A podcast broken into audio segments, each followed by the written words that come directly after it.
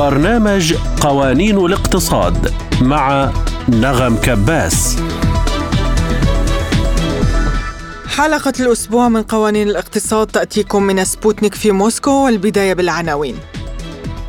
روسيا تبحث مع مصر إنشاء مركز عالمي بمنطقة قناة السويس للقمح. الإمارات تعلن عن وصول تجارتها الخارجية غير النفطية إلى 3.5 تريليون درهم العام الماضي.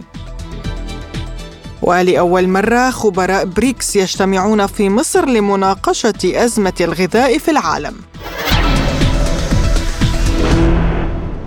أكدت وزارة التموين والتجارة الداخلية المصرية في تصريح لسبوتنيك أنها عقدت عدة لقاءات مع الجانب الروسي بخصوص إنشاء موسكو مركز توزيع لوجستي عالمي بمنطقة قناة السويس للقمح وذلك بغرض تخزين وتوزيع القمح الروسي للدول المجاورة معلنة أنها بانتظار رد الجانب الروسي بعد دراسة المشروع.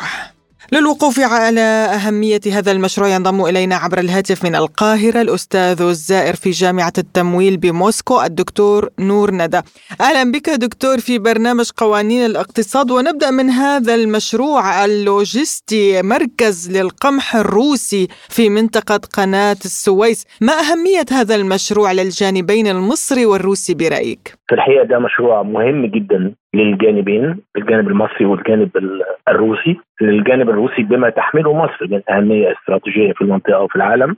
وللجانب المصري باعتبار إن كما تعلمي وكما يعلم السادة المستمعين أن مصر تحتل المركز الأول في استيراد القمح على مستوى العالم.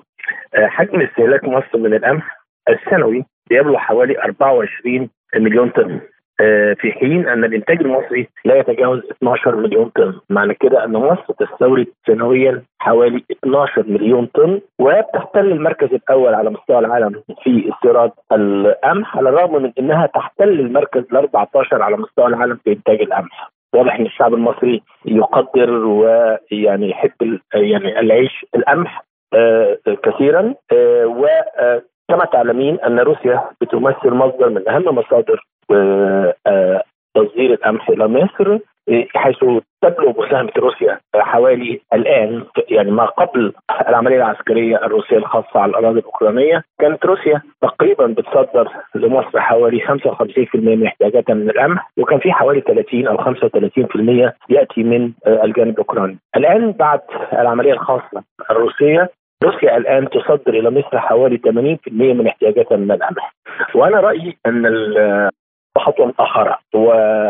وهذه الخطوة تأتي في اتصال وتنسيق وتعاون بين الرئيسين الرئيس فلاديمير فلاديميروفيتش بوتين والرئيس عبد الفتاح السيسي. وأعتقد إن ده خطوة بتدعم الاقتصاد المصري وفي نفس الوقت بتدعم الوجود الروسي في المنطقة. وأعتقد إن ده خطوة يعني أنا أنا أنا تقديري الشخصي إنها اتأخرت ولكن كما يقول المثل الروسي يعني متاخر أحسن لأنه ما يحصلش.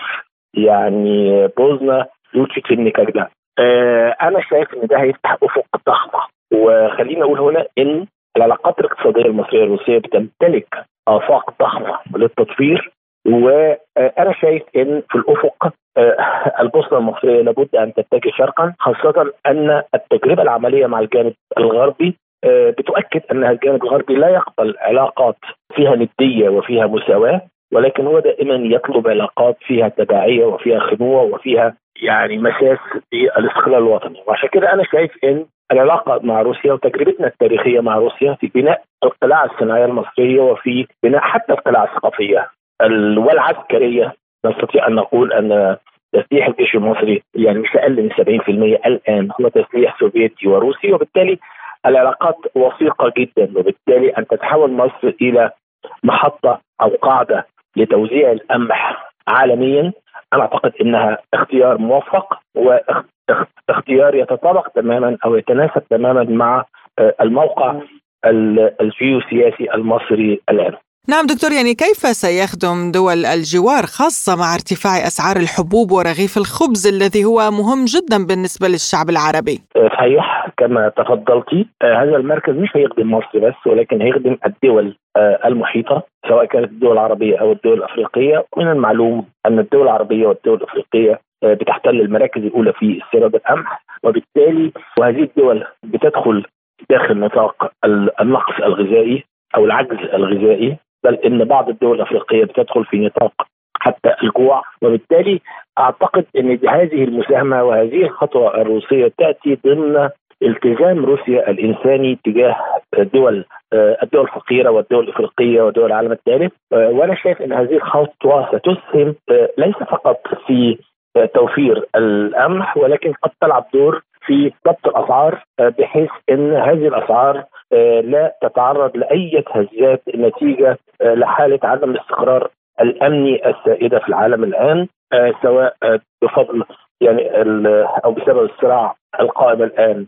في قطاع غزة أو الصراعات الموجودة في غرب أفريقيا أو الصراع القائم الآن على الأراضي الأوكرانية بين روسيا والتحالف الغربي المناوئ لروسيا. هل تتوقع دكتور أن تمارس على مصر ضغوطات لإفشال هذا المشروع؟ حلو السؤال ده، السؤال ده جميل جدا يعني أنا أحييك على هذا السؤال. في الحقيقة إن يعني القرارات الاقتصادية دائما ليست بعيدة عن التوازن السياسي والتوازن حتى الأمني والعسكري العالمي. أنا أعتقد إن الجهه الحكومة المصرية قد تتعرض لضغوط من الجانب الغربي ومن الولايات المتحدة الأمريكية في محاولة لافشال هذه الخطوة المصرية الروسية لإنشاء قاعدة لتوزيع وتسويق الحبوب على مستوى العالم.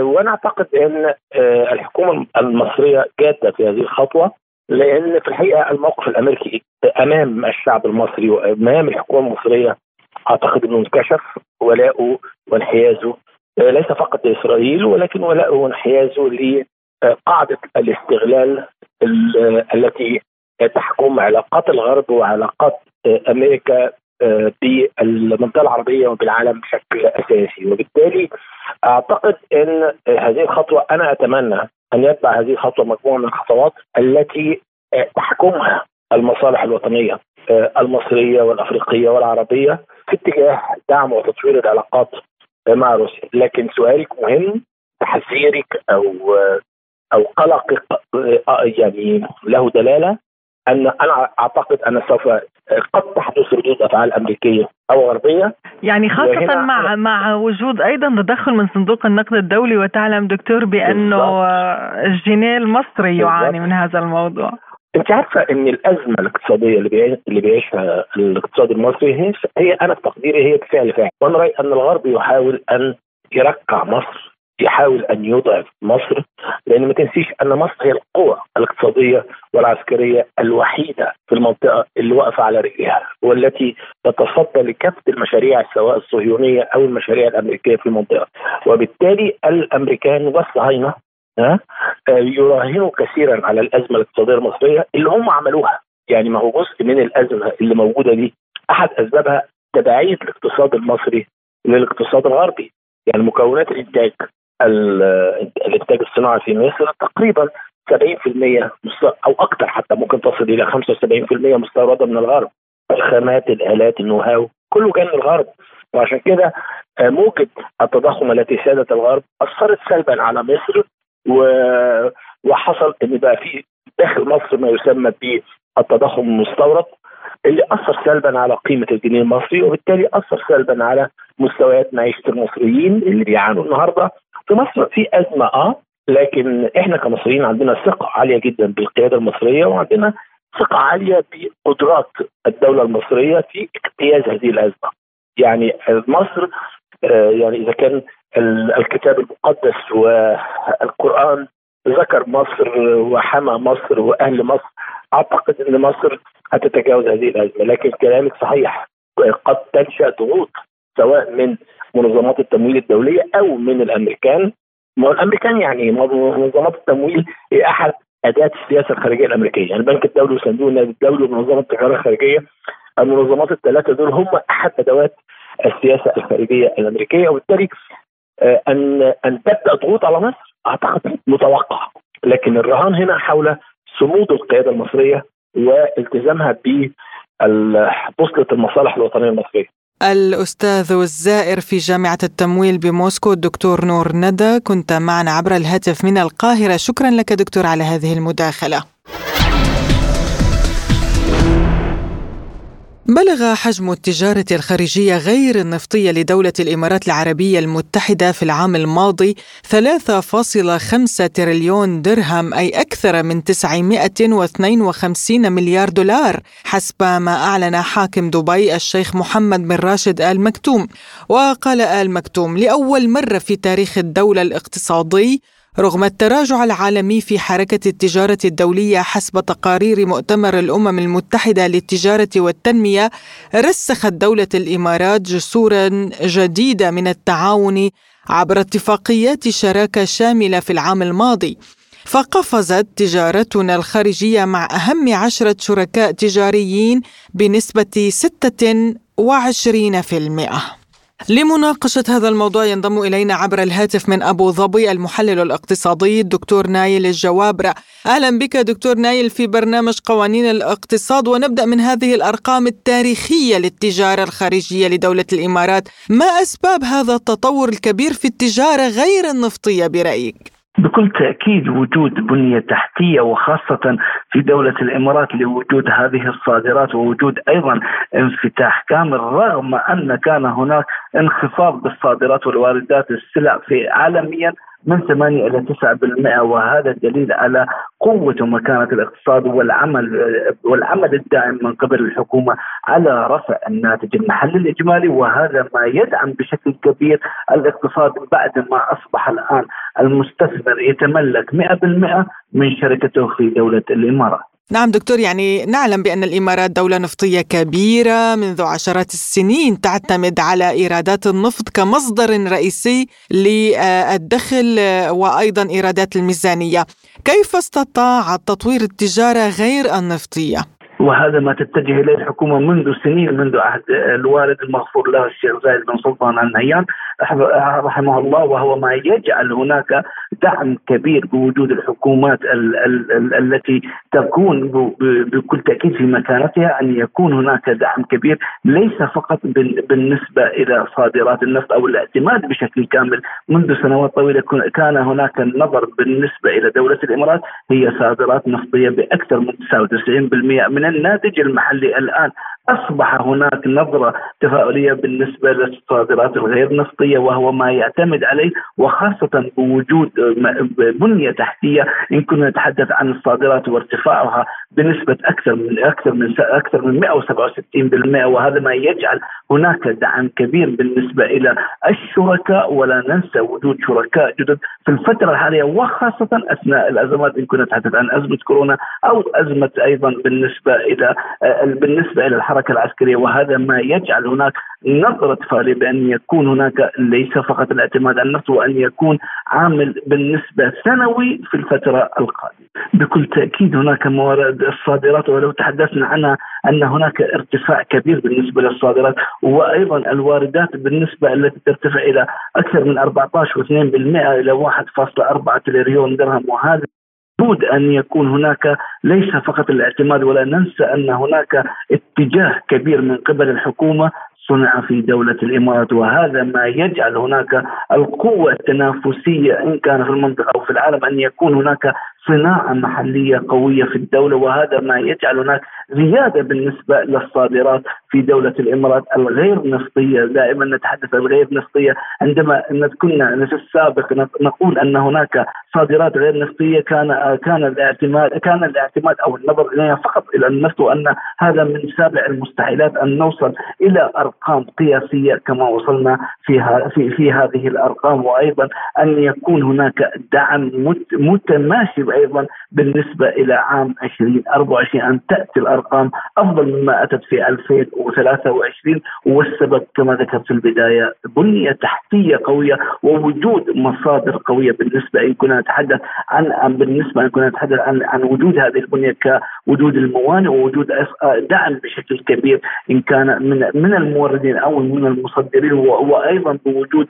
دعم التجارة الداخلية. نعم دكتور يعني حاكم دبي الشيخ محمد بن راشد آل مكتوم سمى عشرة شركاء تجاريين بأنهم من الأهم من هم ما أهم الشركاء التجاريين للإمارات؟ بكل تأكيد هناك عشر شركاء وخاصه كنا نتحدث عن زيادتها في من قبل تركيا ب 103% ومن أيضا من من هونغ كونغ في الصين ل 47% وأيضا بالولايات المتحدة الأمريكية 20% ولا ننسى أيضا هناك الشريك الكبير الآن أصبح من قبل من من من قبل من قبل روسيا وهو اتجاه كبير لأن يكون ليس فقط الاعتماد على النفط ولكن هناك اعتماد على شركاء وأيضا شركاء جدد بعد التحول الذي كنا نشهده خلال السنوات الماضية الاتجاه إلى الشرق بدلا من الغرب وخاصة اتجاه إلى الهند أيضا بالنسبة كشريك مستورد بشكل كبير وأيضا هذا ما يجعل هناك وجود وجود شركاء جدد وخاصة من الدول أيضا الأفريقية. الإمارات أيضا تهتم بشكل كبير بالطاقة المتجددة وفيها أكبر محطة للطاقة الشمسية بالعالم من حيث يعني أن وجود الألواح في مكان واحد، هل يمكن أن تصدر هذه الطاقة لدول الجوار في المستقبل؟ وهذا ما تحدثت عنه الصنع في دولة الإمارات. هذه الصناعات الجديدة وأيضا وجود صناعات واتجاه جديد بالنسبة لهذه الصناعات هي ما يجعل هناك وجود أرقام جديدة وقياسية بالنسبة إلى الصادرات. كما ذكرت أن يكون هناك تصدير في المستقبل هذا ما سوف يتجه تتجه إليه دولة الإمارات في الفترة القادمة لتصدير الكهرباء النظيفة. وخاصة عندما عندما كنا نلاحظ أن هناك صناعات جديدة دخلت إلينا وأهمها كانت أثناء جائحة كورونا صناعة الفضاء التي تعتبر من أحدث الصناعات لدى, لدى العالم وهي دخولها في دولة الإمارات مما يساهم بشكل كبير زيادة هذه الأرقام وزيادة وجود صنع في الإمارات. ووصوله لمستويات قياسية في الفترة الحالية بعدما لاحظنا وصوله إلى 2000 دولار والطلب المتزايد كما ذكرت بكل تأكيد هذه صناعة جديدة بالنسبة إلى الصادرات وهذا ما يجعل هناك دعم كبير إلى صناعات جديدة بالنسبة إلى الدولة، لا ننسى هذه تعتبر من الصناعات الحديثة التي تعتبر تعتمد عليها دول العالم وأيضا هناك النظره التفاؤليه وخاصة في الفترة في الفترة القادمة أن يكون هناك دعم بالنسبة إلى هذه الصناعات. إذا كنا نتحدث عن الذهب والنحاس وأيضا الترقب للأنظار بشكل كبير الأسواق على الفضة بأن يكون هناك داعم كبير في الفترة القادمة. المحلل الاقتصادي الدكتور نايل الجوابرة كنت معنا عبر الهاتف من أبو ظبي، شكرا جزيلا لك على هذه المداخلة. استضافت مصر ملتقى رؤساء ومسؤولي أجهزة المنافسة والخبراء في الدول أعضاء مجموعة بريكس وذلك للمرة الأولى بعد انضمامها للمجموعة مطلع العام الجاري لمناقشة سلاسل إمداد الغذاء العالمية والتركيز على تجارة الحبوب والعمل على وضع آليات جديدة لمعالجة التشوهات التي يعاني منها السوق العالمي ومواجهة الممارسات الاحتكارية في هذا الشأن.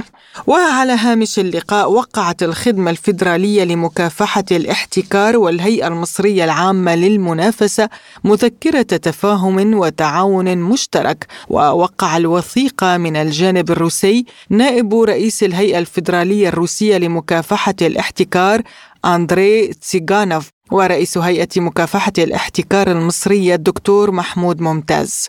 وتحدد المذكرة مجالات التفاعل الرئيسية بين الإدارتين ويشمل ذلك تبادل المعلومات حول تحسين تشريعات مكافحة الاحتكار والخبرة في إجراء التحقيقات في حالات انتهاكات مكافحة الاحتكار والمنشورات والمعلومات غير السرية والأبحاث التي تجريها الأطراف. كما تنص الوثيقة على تنظيم وعقد الاجتماعات الثنائية بشكل منتظم فضلا عن المشاركة في المؤتمرات والمنتديات والندوات التي تعقدها الإدارات. حول هذا الموضوع قال لبرنامجنا مدير المركز الدولي لقوانين وسياسات المنافسة التابع لمجموعة البريكس السيد أليكسي إيفانوف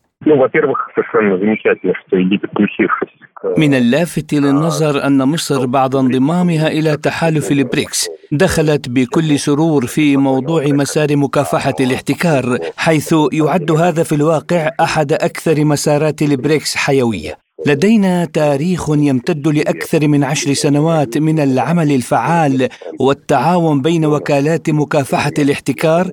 والعلماء الذين يتعاملون مع قانون مكافحة الاحتكار في صيغة البريكس أي أن هذا بالفعل تفاعل مستقر ومجدي. علاوه على ذلك فهي مثيرة للاهتمام وضرورية وهي وظيفة مطلوبة لأن هناك الكثير مما يحدث في مجموعة البريكس والعديد من الأشياء التي تتطلب اهتماما شاملا. إن حقيقة أن مصر الآن عضو في مجموعة البريكس وإبرامها اتفاقية ثنائية داخل المجموعة. مع الهيئة الفيدرالية لمكافحة الاحتكار الروسية وانضمامها أيضا إلى العمل في صيغة متعددة الأطراف بما في ذلك أسواق المواد الغذائية هي في الواقع إشارة جيدة جدا على أن هذا العمل هو المطلوب. اتجاهنا هو التعاون في مكافحة الاحتكار والعمل على تنظيم الأسواق العالمية وخاصة أسواق المواد الغذائية. هذا هدف مشترك لحل مشاكل تطوير المنافسة وديناميكيات المنافسة في الأسواق الفردية وفي المناطق الفردية أيضا. والآن ترى هذا في القطاع الغذائي. تعد الإمدادات الغذائية العالمية قصة خطيرة. إلى حد ما بالنسبة لمصر وهي أكبر مستورد للحبوب في العالم ولبلدان أخرى أيضا. إن التفاعل في صيغة البريكس بشأن قضايا الغذاء أمر ضروري لكي تعمل جميع آليات السوق بشكل واضح وسلس. أجرت العديد من الوفود الروسية زيارات متعددة خلال الفترة الماضية إلى سلطنة عمان لبحث سبل الاستثمار هناك. ووفقا لمدير مكتب وكيل ترويج الاستثمار في وزارة التجارة والصناعة في السلطنة مهنا السناني فإن الوفود الحكومية والخاصة أجرت لقاءات متعددة خلال الفترة الماضية في السلطنة وناقشت مع الأطراف العمانية والمسؤولين في الوزارة الآليات والقطاعات والتسهيلات إذ تعرفت على جميع الجوانب المرتبطة بالاستثمار في السلطنة.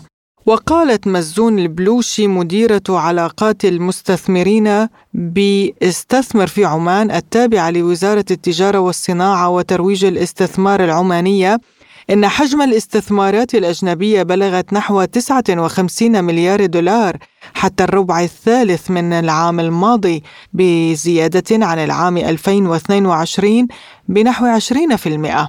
وأضافت في حديثها لسبوتنيك أن السلطنة في مبادرة استثمر في عمان تعد مركزا ومحطة واحدة توفر كافة الخدمات للمستثمر وينجز من خلالها كافة الإجراءات والمتطلبات لتأسيس وتشغيل وإكمال استثماره في سلطنة عمان موضحة أن العديد من الحوافز تقدم للمستثمرين الأجانب منها إقامة حتى عشر سنوات لافتة إلى أن الشركات المملوكة للمستثمر الأجنبي تعامل معاملة الشركات المملوكة للعمانيين وفق ما تنص عليه القوانين واللوائح. وأبرزت المسؤولة أن مبادرة استثمر في عمان تهدف إلى الوصول بالسلطنة لتكون واحدة من أفضل وجهات الاستثمار عالميا كما يتم تبني أحدث النظم والتقنيات وأفضل الممارسات في تقديم الخدمات والمبادرات. ووفقا للمسؤولة العمانية فإن التصنيف الائتماني الإيجابي لوكالات التصنيف للسلطنة يعد أبرز المؤشرات المشجعة للاستثمار في بلادها نظرا لما تتمتع به من استقرار سياسي واقتصادي وبنى تحتية متكاملة. وأشارت إلى أن سلطنة عمان واحدة من أفضل الوجهات الاستثمارية لما تتمتع به أيضا من موقع استراتيجي متميز متصل بطرق التجارة الحيوية بين الشرق والغرب بما يؤهلها لتكون أحد أهم المراكز بالنسبة للمستثمرين الأجانب الذين يحتاجون إلى تصدير منتجاتهم إلى وجهات عدة. وأوضحت أن حجم الاستثمارات في المناطق الحرة والصناعية في السلطنة بلغ 44 مليار دولار. منوهة إلى أن التعاون مع مصر في الإطار يمثل أهمية نظرا للموقع الجغرافي الذي تحتله مصر باعتبارها بوابة أفريقيا فيما تمثل عمان أهمية جغرافية مماثلة تجاه الجانب الآخر بحيث يمكن تسهيل نقل البضائع من وإلى الدول المجاورة لكل من مصر والسلطنة عبر البلدين. ووفقا للبلوشي فإن السلطنة تقدم العديد من الحوافز في قطاعات عدة منها السياحة والأمن الغذائي والتعليم والاقتصاد والإعفاء الضريبي الذي يصل إلى 30 سنة والإعفاءات الجمركية ومنح الإقامة بالإضافة للتملك مئة بمئة. ووفق المسؤولة العمانية فإن السلطنة أنفقت مبالغ كبيرة على البنى التحتية في العديد من المناطق من أجل تهيئتها للمشروعات الجديدة التي تسعى لجذبها في إطار الرؤية العمانية 2024 وإلى أخبار اقتصادية قصيرة. أعلن وزير التجارة العراقي أثير داوود الغريري عن مخرجات الدورة الثانية عشر للجنة العراقية السورية مؤكدا وجود حراك لزيادة حجم التبادل التجاري بين البلدين كاشفا عن أن اللجنة خرجت بمذكرات تخص الإعمار والإسكان وكذلك الرعاية الاجتماعية فضلا عن مذكرات تفاهم فيما يخص التقييس والسيطرة النوعية وشهادات المطابقة. وتشكيل لجان فنية بين العراق وسوريا بمجال الصحة والتعليم العالي والتجارة الخارجية لافتا إلى وضع خطط وتفاهمات لتحقيق الطموح بشأن التبادل التجاري بين دمشق وبغداد كما كان في السابق وبمستوى يليق بالبلدين. ذكرت وسائل أعلام إسرائيلية ملف تخفيض تصنيف إسرائيل الائتماني والتنبؤات بصدور تقرير سلبي من وكالة فيتش وذلك بأن فيتش شددت على قرار خفض التصنيف الائتماني لإسرائيل بدرجة واحدة قبل أن يتم إقناعها في اللحظة الأخيرة خلال اجتماعات مع كبار المسؤولين الاقتصاديين بتأجيل التخفيض. حذرت مديرة الاتصالات في صندوق النقد الدولي جولي كوزاك من أن احتجاجات المزارعين في أوروبا قد تؤثر على أسعار المواد الغذائية بالرغم من أن هذه المشكلة ما تزال في بدايتها. وقالت في الوقت الحالي نتوقع أن يكون تأثير ما يحدث على الإنتاج والاقتصاد بسيطا لأن القطاع الزراعي في معظم الدول الأوروبية صغير نسبيا مشددة على أن تأثير الاحتجاجات على أسعار المواد الغذائية قد يكون كبيرا إذا طال أمد المزاج الاحتجاجي لدى المزارعين. أيد رئيس حكومة سلوفاكيا الإبقاء على الحظر المفروض على إمدادات عدد من السلع الزراعية من أوكرانيا إلى البلاد قائلا تظهر المفوضية الأوروبية عدم اهتمامها بحماية المزارعين السلوفاكيين والأوروبيين. المفوضية عمياء وصماء. يجب أن نرد على ذلك بسياسة خارجية ذات سيادة لسلوفاكيا وحظر استيراد عدد من المنتجات الزراعية من أوكرانيا.